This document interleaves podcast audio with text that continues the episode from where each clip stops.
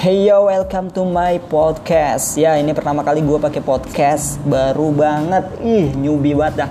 Nah, ini gue dapat kiriman dari temen gue gitu kan secara. Nah, di sini gue akan bagaimana, di sini gue akan ngasih tips bagaimana sih belajar yang efektif dan efisien. Nah, sebelum arah ke sana, ini gue mau ngasih tahu nih penting banget buat lo siswa maupun mahasiswa.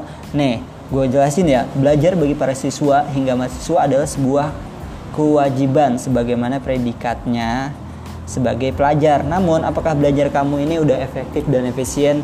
Nah, jika belum, mari simak empat cara belajar yang efektif dan efisien sebagai berikut.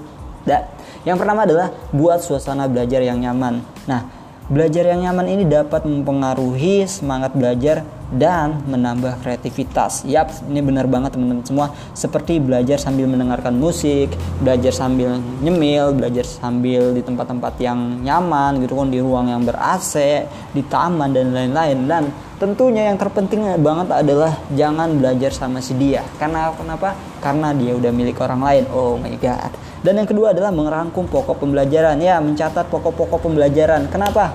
Karena jika kamu membaca satu buku, maka akan butuh waktu yang sangat lama guys untuk menyelesaikannya. Seperti melupakan dia yang membutuhkan waktu yang sangat-sangat amat lama. Wow. Nah yang ketiga adalah belajar bersama. Nah belajar bersama ini sangat efektif dalam suasana belajar berkelompok yang cukup santai, otak menjadi lebih rileks menerima pembelajaran atau materi yang akan kita serap.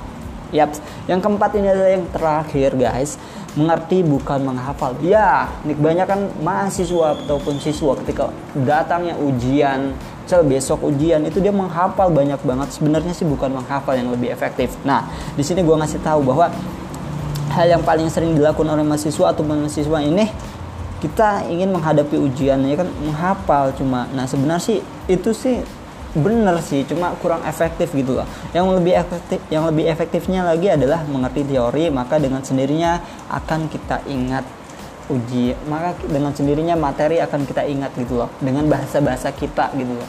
Bahasa lo bukan bahasa bahasa kita itu maksudnya uh, bahasa lo aja gitu nggak usah bahasa gua ya kan.